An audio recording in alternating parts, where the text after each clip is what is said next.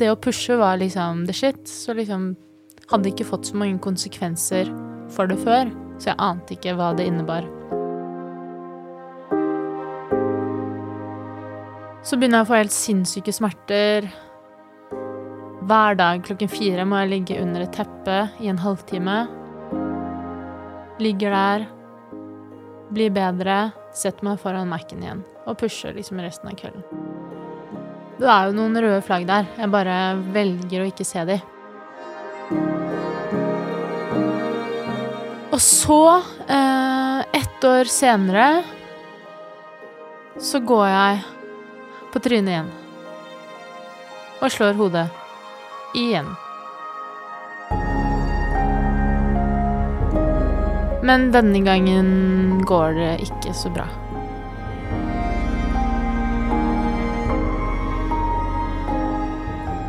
Jeg er eh, MK, Jeg er Exo. og dette er I frykten med MK og EXO. Hei. Hvor begynte reisen for deg? Reisen for meg begynte rett og slett i en litt annerledes komfortsone. Den komfortsonen var et tempo som var det eneste tempoet jeg kjente til. Og det var et gir som var litt eh, raskere enn de andre. Og det er jo litt morsomt å se tilbake på i forhold til liksom det å drive med ekstremsport.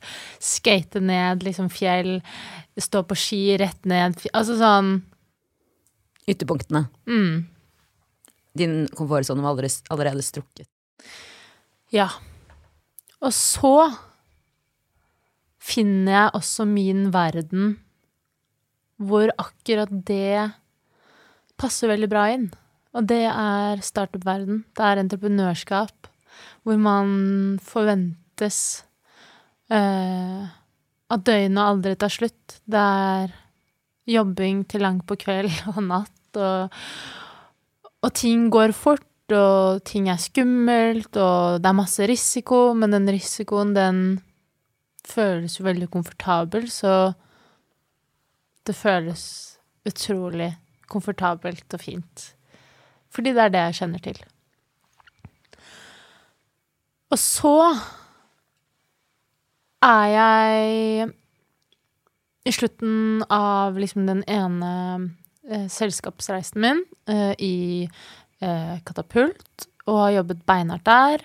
Eh, trenger å komme meg eh, videre. Tenker stille for meg selv jeg må ha en pause. Da har jeg holdt på Da har jeg liksom bygget flere startups eh, over liksom, jeg vet ikke, fem-seks år, og bare gønnet og gønnet, startet nytt. Eh, hatt det sykt fett, men det har gått så sinnssykt fort at jeg har liksom ikke hatt tid til å stoppe opp og liksom se på hvilken retning jeg er på vei i. Men jeg har vært veldig heldig og, og fått starte gøye ting, være med på gøye ting, og sagt ja, ja, ja, ja, ja, ja, ja, ja, ja, ja, ja. Ehm, og så får jeg en telefon av en god venn som sier jeg har et fett selskap jeg tror du hadde likt veldig godt. De ser etter en co-founder. Jeg sier til han jeg kan ikke ta noe nå, men jeg, jeg møter han gjerne. Møter han. Personen gir meg selvfølgelig et tilbud. Lytter ikke. Jeg sier ja, let's go again. Jeg skulle ha stoppet opp, men det gjorde jeg ikke. Og hvor gammel er du nå? Nå er jeg eh, Skal vi se 28, cirka. Og da har jeg, siden jeg var 23 år, bygget selskap. Så jobber jeg der. Det er nyttårsaften, det er glatt ute, jeg tryner. Dette er før the shit fall. Eh, tryner. Tenker uh, at uh, Tryner ganske stygt. Med Emilie trodde jeg daua, liksom. Så det var, det var liksom brutalt fall. Men eh, vi var litt fulle, så jeg daua ikke. Eh, og så tenker jeg at jeg ikke må gå til legen, fordi det har jeg ikke tid til. Og så vet jeg hva legen kommer til å si, og det har jeg ikke lyst til å høre. Altså, det, det er jo helt idiotisk, jeg hører jo det i dag, men der og da så liksom gikk de i et tempo, så jeg fikk ikke de liksom lange tankerekkene. Og det å pushe var liksom the shit, så liksom hadde ikke fått så mange konsekvenser for det før, så jeg ante ikke hva det innebar. Så begynner jeg å få helt sinnssyke smerter. Hver dag klokken fire må jeg ligge under et teppe i en halvtime. Ligger der, blir bedre, setter meg foran Mac-en igjen og pusher liksom resten av kvelden. Så det liksom blir sånn Det er jo noen røde flagg der. Jeg bare velger å ikke se de. Og så, eh, ett år senere, så går jeg på trynet igjen. Og slår hodet. Igjen. Men denne gangen går det ikke så bra.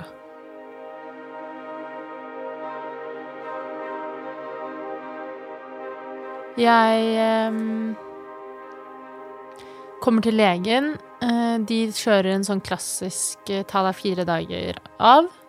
Um, jeg tar meg fire dager av, kommer tilbake på jobb.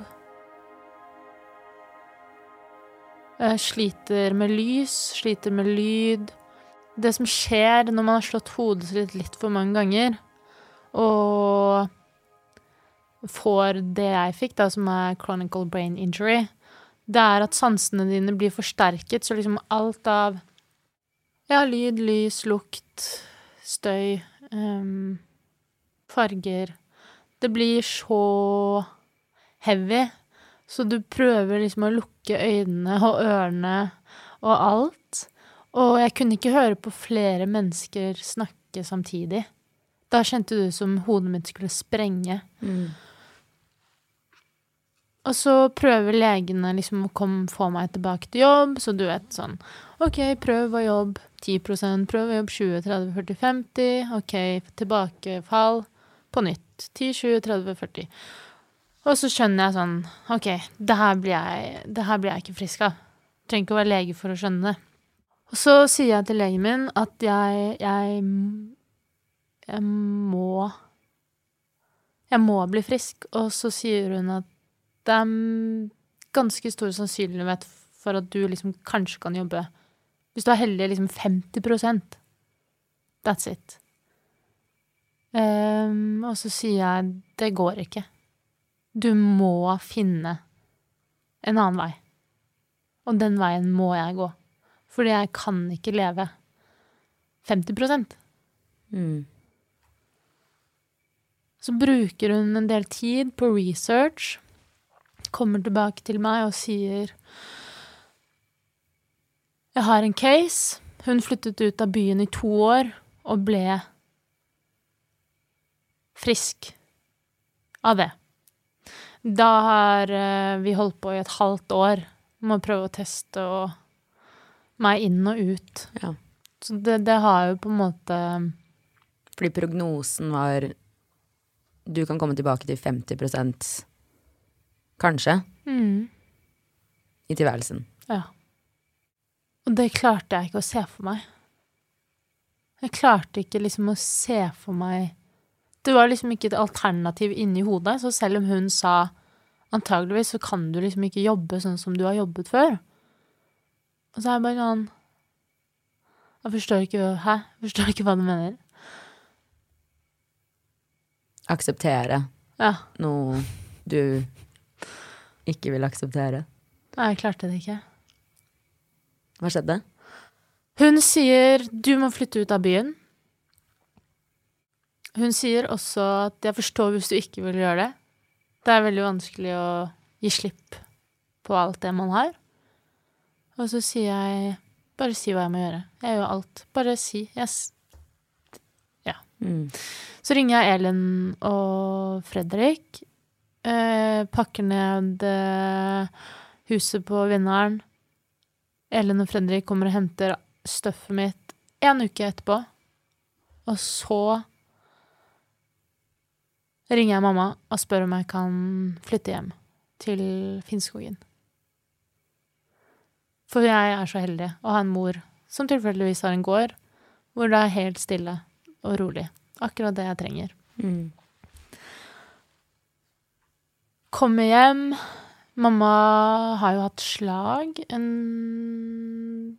god stund før, så hun har masse erfaring med hodeskader. Um, så hun er beinhard med å si Når jeg liksom hører på podkast eller ligger og leser, så er hun sånn Legen har sagt at du ikke skal gjøre noen ting. Mm. Jeg bare ja. Bare sånn Du leser. Ja. Det er noe. Ingenting. Ja, OK. Og så hører jeg på podkast, så er det sånn Du lytter. Ingenting. Så det var sånn derre Det å gå liksom fra 150 til 10 km i timen Jeg forsto liksom ikke hva ingenting betydde. Mm. Det var sånn ingenting. Er ingenting. Ja, og så plutselig så var jeg sånn Å, fy flate, hva i all verden gjør man når man gjør ingenting? Og så plutselig så begynte jeg å se på trærne som liksom bare sto og vaiet. Og så gjorde jeg yoga. Og så begynte jeg jo selvfølgelig å bake brød. Den kjenner alle til etter covid nå. Ja. What the fuck do you do? Bake bread. Og der var jeg en god stund. Da var jeg fra sommeren til jul, nyttår. Mm. Jeg har jo aldri gjort ingenting før. Det eneste jeg kjenner til, altså komfortsonen min, er å gønne og hiv og hoi. Så det rakner jo ganske heftig. Og jeg får mitt eh, Britney-moment eh, ni måneder inn i den mørke rommet der. Jeg, jeg klipper faktisk av meg håret. bare for Bare bare, Bare tenker sånn OK, Britney, let's go. Jeg, jeg, jeg, står ved din side, søster. Når det er tøft, ta håret, liksom. Ta håret. Da, du er Hvorfor ikke liksom bare strippe deg for alt når du er i god gang? Kjenner meg igjen. Åh. Det, var- det var faktisk sånn derre Mm. OK, hvem er jeg uten jobb? Hvem er jeg uten vennene mine? Hva er jeg uten mestring, som er liksom det eneste jeg kjenner til? Og som har gitt meg så vanvittig mye driv gjennom hele livet. Nå er jeg liksom 29 år og er på Gun Gunningsen, liksom sånn Har peaket. Eh, og hatt dritfett, og liksom også fått en kredibilitet der jeg har jobbet. Og så plutselig så bare blir du revet ut av det. Og du vet ikke om du får lov til å gjøre noe eller jobbe, eller om du vil Jeg visste ikke om jeg kom til å fungere, for akkurat der så klarte jeg ikke å se på lys, lytte til lyder. Jeg husker jeg liksom fikk noen venner på besøk, og så snakket de liksom oppå hverandre. Og jeg husker sånn i flere år så var jeg sånn Kan vi være så snille å ha én samtale? Jeg klarer Altså, jeg klarte ikke. Jeg klarte det ikke i det hele tatt. Så jeg ble livredd for å aldri fungere. Og gikk jo inn i en ganske Jeg vil ikke si heftig, men jeg begynte liksom å kjenne på depresjonen, da. Og hadde en mor som ble bekymret, og Ja, det gikk inn på meg. Du har et helt sinnssykt tempo før ulykken, åpenbart. Altså, din komfortsone er å strekke strikken langt hele tiden. Pushe ytterpunktene. Men hvorfor det? Det er jo et eller annet der, tenker jeg. Hva er det du er, frykter i det? Det er, det er noe dypt som ligger bak det. Um, og det tempoet handler jo om den påvirkningen man får fra samfunnet også. Men jeg er jo selv ansvarlig for å klare å stoppe opp, men det har jeg rett og slett ikke lært. Så det er faktisk en helt vill kveld som gir meg den innsikten jeg trenger. Um, som jeg ikke ante. Det er nyttårsaften, og jeg er med mine venner. Vi har en helt nydelig kveld. Det er deilig å være med de. Jeg har liksom ikke vært med noen på lenge. Um, den kvelden uh, kan gå i alle retninger, og det Det gjør den.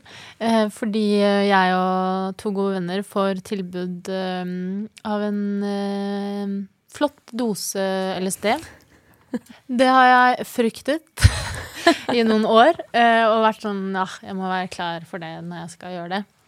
Men så stoler jeg veldig på den personen som har det, og jeg er i meget godt selskap. Um, Trygge omgivelser. Yes, Ja. stemmer. Det er viktig. Og så har jeg jo nettopp vært i depresjon, da, og, og lurer på hva faen er det jeg skal gjøre med livet, og hva i all verden Og så har jeg hørt at uh, man kan få noen Åpenbaringer. Yes, exactly. Så tenker jeg, hvorfor ikke? Gønner den. Ehm, det er jo helt Texas-stemning, da. Uh, fordi alle løper jo i hver sin retning. Uh, På sin reise. Ja. Og det er jeg og en annen som ikke har gjort det før, og vi blir stående der og bare sånn Nå kicker det snart inn. Uh, vi er midt i Oslo. Eh, han føles på at vi burde være hjemme. La oss dra hjem. Vi kommer hjem i, i det, det kollektivet. Eh, og så er det en um, av de gutta som eh, bor der, som også er våken. Han er eh, lærer. eh, og hands out, eh, som crayons and paper. og skjønner at disse kidsa er på en reise i livet. Sa dere det til han? Ja. Ja, Ja, så ja, han ja, ja. visste hva han skulle gjøre? Ja. Han hadde sett det før, tror jeg. eh, og gir oss noe ark og fargeblyanter. Og det er jo helt sinnssyk eh, reise oppi hodet. Og, og det var vanvittig heftig. Og jeg har ikke gjort det igjen, for å si det sånn. Men i hvert fall. Så begynner vi å tegne og farge og jeg forsvinner inn i en verden jeg aldri har vært i før. Det er jo helt sinnssykt, alle tankene og bildene. Altså, det er sånn syrefest med 100 filmer samtidig oppå hverandre. Og så plutselig så ja, strekker jeg liksom ut tegningen min, viser hva jeg har malt, og de bare gaper og blir helt stille. Og jeg er sånn Ja, men skjønner dere, eller? Skjønner dere? Skjønner du hva jeg mener? Og de bare Går det bra? Jeg bare De som aldri rakk livet! Skjønner dere? Det er gravsteiner. Da har jeg tegnet sånn 20 gravsteiner. Og bildet heter 'De som ikke rakk livet'. Og så knekker jeg sammen og hylgråter. For der har jeg funnet kjernen av denne fuckings uh, Fast and Furious-reisen min, da. Mm. Herregud. Hva er det vi driver med? Bare stresser oss liksom gjennom hele livet. Stopper aldri, og bare gønner, gønner, gønner. Det er derfor jeg har tryna. Jeg har fått en gave. Jeg har fått en mulighet til å stoppe opp. Nei, den frykten som jeg hadde følt på dritlenge da Og når du sitter i et mørkt rom i ett år, det er lenger enn ett år. Mm. Det er ikke noe matematikk man kan regne ut hvor lenge det er, men det, det er ikke ett år, det er nærmere syv år.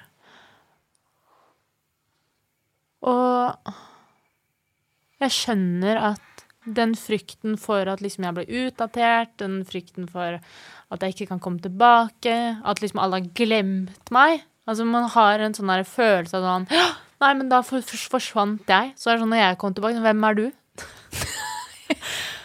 det er liksom en følelse jeg sitter med, som er sånn Det er helt, helt sinnssykt. Og så skjønner jeg sånn Men dette er jo verdens beste mulighet til å finne liksom ut hvem er det jeg er nå. Det er greit hvem jeg har vært, jeg har hatt det helt rått, men det er en liten oppdatering som må gjøres nå. For jeg kan ikke fortsette i den farten som jeg har gjort. For det har ikke vært sunt på noen som helst måte. Og det er liksom et eller annet inni meg som føles Jeg har ikke helt kontakt med alt som har skjedd. Um, Du trodde du hadde kontroll. ja, jeg trodde det. Og det, det, det er litt lettere, faktisk, å ha kontroll på noe som går fort. Prøv liksom å stå på skateboard sakte. Det er faktisk mye vanskeligere. Mm. En tvungen pause. Mm. En tvungen pause. En forståelse av at uh, Sånn som jeg har det nå, det kommer ikke til å være sånn for alltid. Men jeg må roe ned. Og hvis jeg roer ned, så får jeg også en tid til å Jeg hadde jo reflektert en del uh, over livet, og, og lest helt vanvittig mye om Arne Næss. Uh, og han mente jo at vi måtte reflektere mer. Så var jeg sånn, OK, jeg kan jo i hvert fall reflektere, da. Det er jo ikke ingenting, men Mm. nå kan jeg ikke ikke gjøre ingenting. Altså sånn, Mm. jeg må gjøre noe, så jeg må få lov til å reflektere. Så jeg ble jo liksom en sånn uh, Helt betatt av det. Å filosofere. Og undre og lure. Og da kommer du inn i kjelleren, da. Mørke krokene som du har holdt der. deg unna. Ja. Mm. Frem til du er 28. Hva er det du egentlig frykter? Det er eh, å sette livet på pause.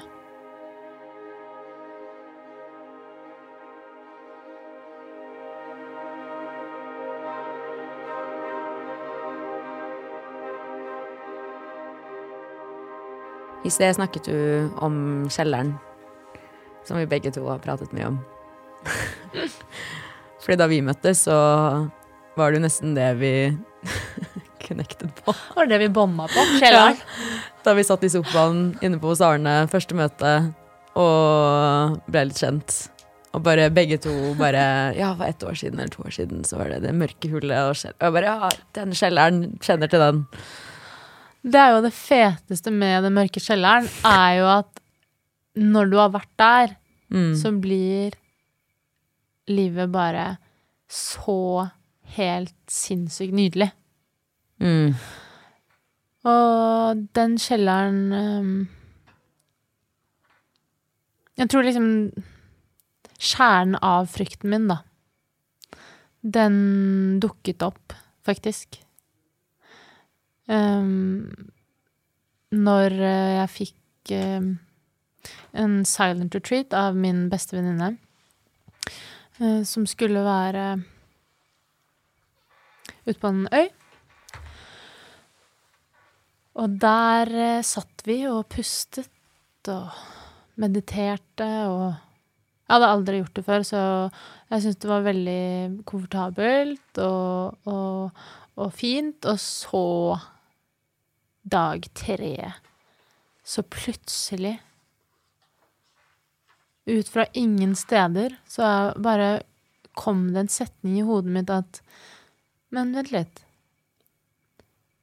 Hvis ikke faren din hadde lyst til å være faren din Han hadde fått deg, men han hadde ikke valgt å få deg.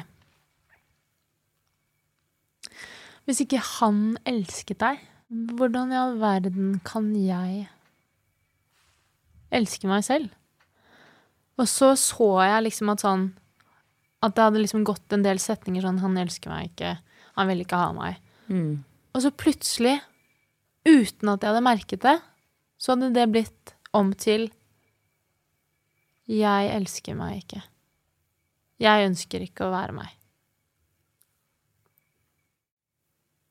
Og så lå jeg i fosterstilling og gren i fanget til eh, min mentor. og så var jeg sånn Jeg skjønte at sånn wow. Dette blir fett. så sykt bra at jeg fant dette. Og det er liksom litt sånn klassisk meg også, da. Mm. Det derre Det er liksom løsninger og vakre muligheter overalt. Så jeg tenkte jo bare sånn OK, dette er vondt. Dette er jævlig. Fett om jeg ikke hadde vært Om dette ikke hadde vært en del av min historie, men det er det. Så dette må jeg bare finne ut av. Og alt jeg har trodd, er feil. Mm. Jeg har alltid følt meg liksom som en stor klippe og, og veldig selvsikker og masse selvtillit, men det er et eller annet der som ikke stemmer. Så da var det all in på self-love. Um, faktisk en stor del av det var det å liksom finne sin feminine kraft. Um, snakket mye med Emilie, som driver liksom Gaia Gang, fordi hun, had, hun hadde masse verktøy i de workshopene som jeg ikke trengte før, Ja. som jeg liksom kunne bringe tilbake. Ok, hver dag, skriv ned hva er det du elsker med deg selv. Mm. Og det høres helt sykt basic ut, men bare prøv det. Og vips meg 100 mill. i morgen. Ja. og, og også sånn eh, fem ting du er Takk. Takknemlig for. Det er sånn Det er så enkelt. Og hver gang jeg tenker at sånn, nå må jeg gjøre det, for nå er jeg ikke helt i balanse, Mm. så er det sånn Jeg gjør det, og så ler jeg litt. Ja, jeg skal skrive noen setninger, så blir jeg bedre. Og så begynner jeg, så bare Oi, shit. Mm. Bedre. Så jeg blir litt overrasket hver gang jeg gjør det.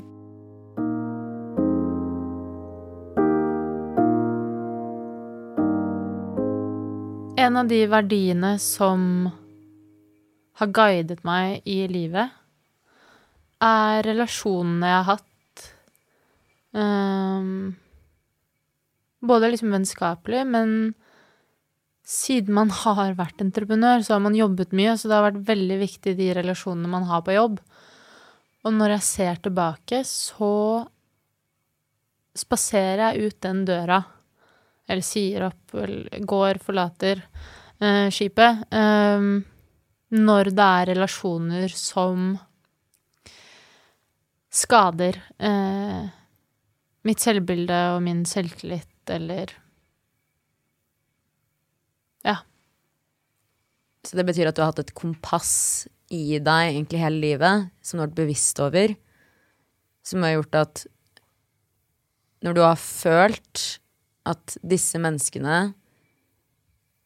eh, har du det ikke bra med, mm, så har det vært enklere for deg å ta valget og bevege deg videre. Yes. Og det er eh, liksom kommet inn med morsmelken. Mamma Mm. sa 'vær med de menneskene som gir deg energi', og det tok jeg som et verdivalg som skulle følge meg hele livet. Det verktøyet, har det hatt noe med, med frykten for å ikke bli elsket? Det blir jo umulig å si nei. Men det er også Det er ikke sånn ja, mm, klart det, men jeg eh, Jeg tenker jo at det må ligge noe der inne eh, som jeg ikke liksom helt klart og tydelig har funnet svaret på.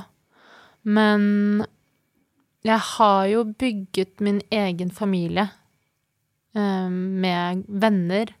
Og jeg tipper at den utryggheten jeg får med mennesker som setter seg selv først, I den forstand at man liksom tar kreden for arbeidet man gjør. Man liker litt å psyke ut og tråkke på. Altså, det, det fins dessverre mange av de i, i den entreprenørverdenen, da.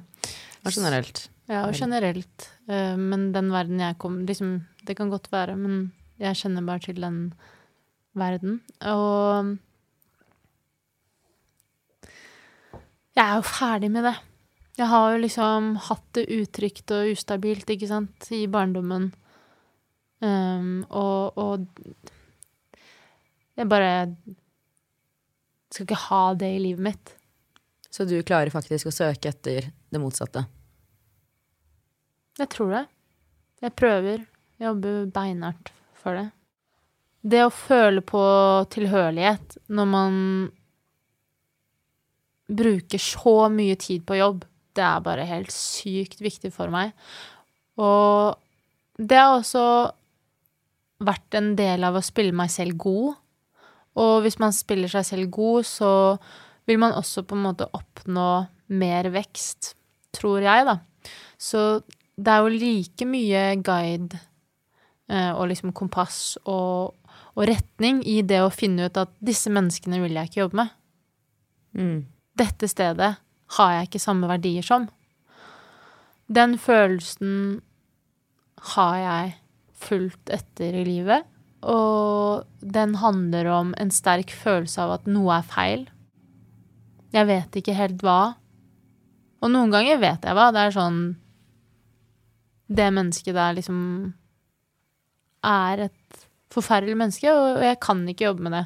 Og så må man velge sine kamper, fordi man, man, I dag jobber jeg med dialog, så jeg kunne sikkert prøvd meg på en dialog, men de egenskapene hadde jeg ikke tilgjengelig da.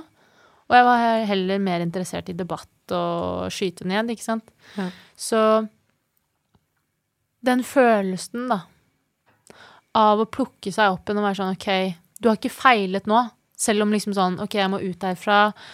Jeg liker ikke disse menneskene, jeg liker ikke hvordan jeg føler meg. Jeg tipper at mange er sånn faen, jeg feila igjen. Mm -mm. Jeg, jeg gjorde Nå var jeg her igjen. Jeg gir opp. Faen ta. Liksom den greia der, da.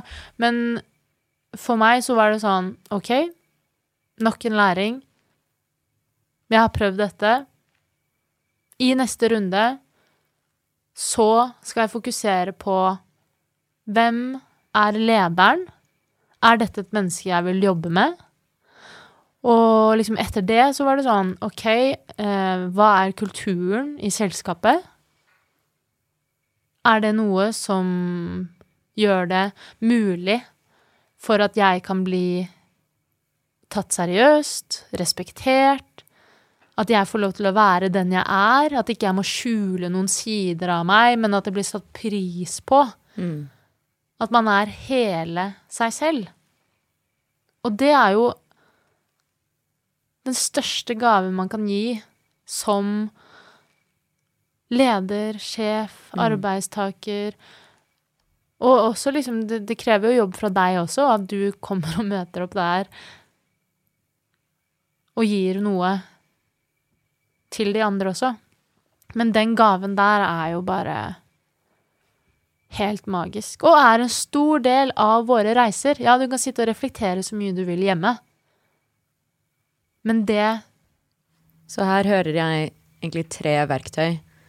Den første er kompasset. Om det er, at det er noe feil. At, det er noe som, at du klarer å bemerke deg konkret hva det er. Ja, du kjenner- Du kjenner. Du kjenner Du finner det er ut av noe det? Mm. Så det var veldig konkret for deg. ikke sant? At relasjoner. Og så går du inn i deg selv og finner ut hva er verdiene dine. Mm. Ikke sant? Og definerer det. Og så velger du. Yes. Så det er tre veldig konkrete verktøy da, for andre også.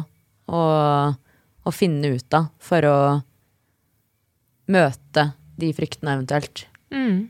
Og det er det å tørre å feile. Jepp. Fordi, ikke sant, det var også noe du sa. Man, sånn som jeg kjenner meg igjen i, Mm. det er ikke Når man har startet på nytt, gang på gang på gang Kanskje sett utenfra for folk som er mer risikoaverse, så kan ting se ut som å feile. Men for andre, inkludert oss selv, så er det ikke så er det på en måte bare å starte på nytt. Og det er ikke starte på nytt engang, men det er bare ett hakk nærmere dit du egentlig vil. Mm. Det er ikke feiling. Det er bare ett hakk nærmere dit du egentlig vil, og dit du egentlig skal være. Vi sitter jo her fordi på våre reiser så har vi jo begge funnet ut av Funnet ut at for å komme dit man er nå, og ha det sånn som begge to har det, så har man tatt ganske mange valg på veien. Og sett utenfra så kan det kanskje virke som om det er fryktløse valg, som om frykten ikke har vært til stede. Men når vi ser tilbake på det, så er jo begge veldig enige i at den har alltid vært til stede. Men man har valgt på tross av det. Og da handler det jo om å egentlig skjønne hvordan man skal håndtere og møte de ulike fryktene. For å komme nærmere dit man vil, eller den man vil være. Eller det livet man ønsker å skape for seg selv. Og sammen her skal vi jo finne ut egentlig hvordan andre kan også Og det betyr jo ikke at vi, du og jeg, har beveget oss ut av dette og lever som noen guder og konger liksom oppi der. Vi står jo i frykten hver dag. Og det har vi tenkt å gjøre sammen med deg. Og vi har tenkt å dele det, og vi har tenkt å møte den. Og så håper vi at eh, på en eller annen måte, da, så Målet er ikke å bli fryktløs, men at vi sammen kan lære hvordan vi håndterer den. mm, Fordi frykten vil alltid være til stede.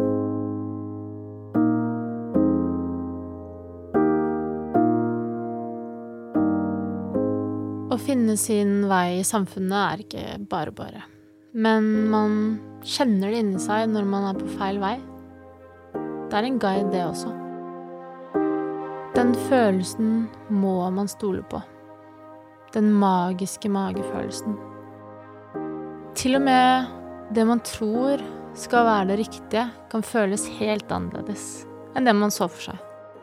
Da må man ta det perspektivet, oppdatere sitt veivalg og spørre seg selv Er det dette jeg virkelig vil?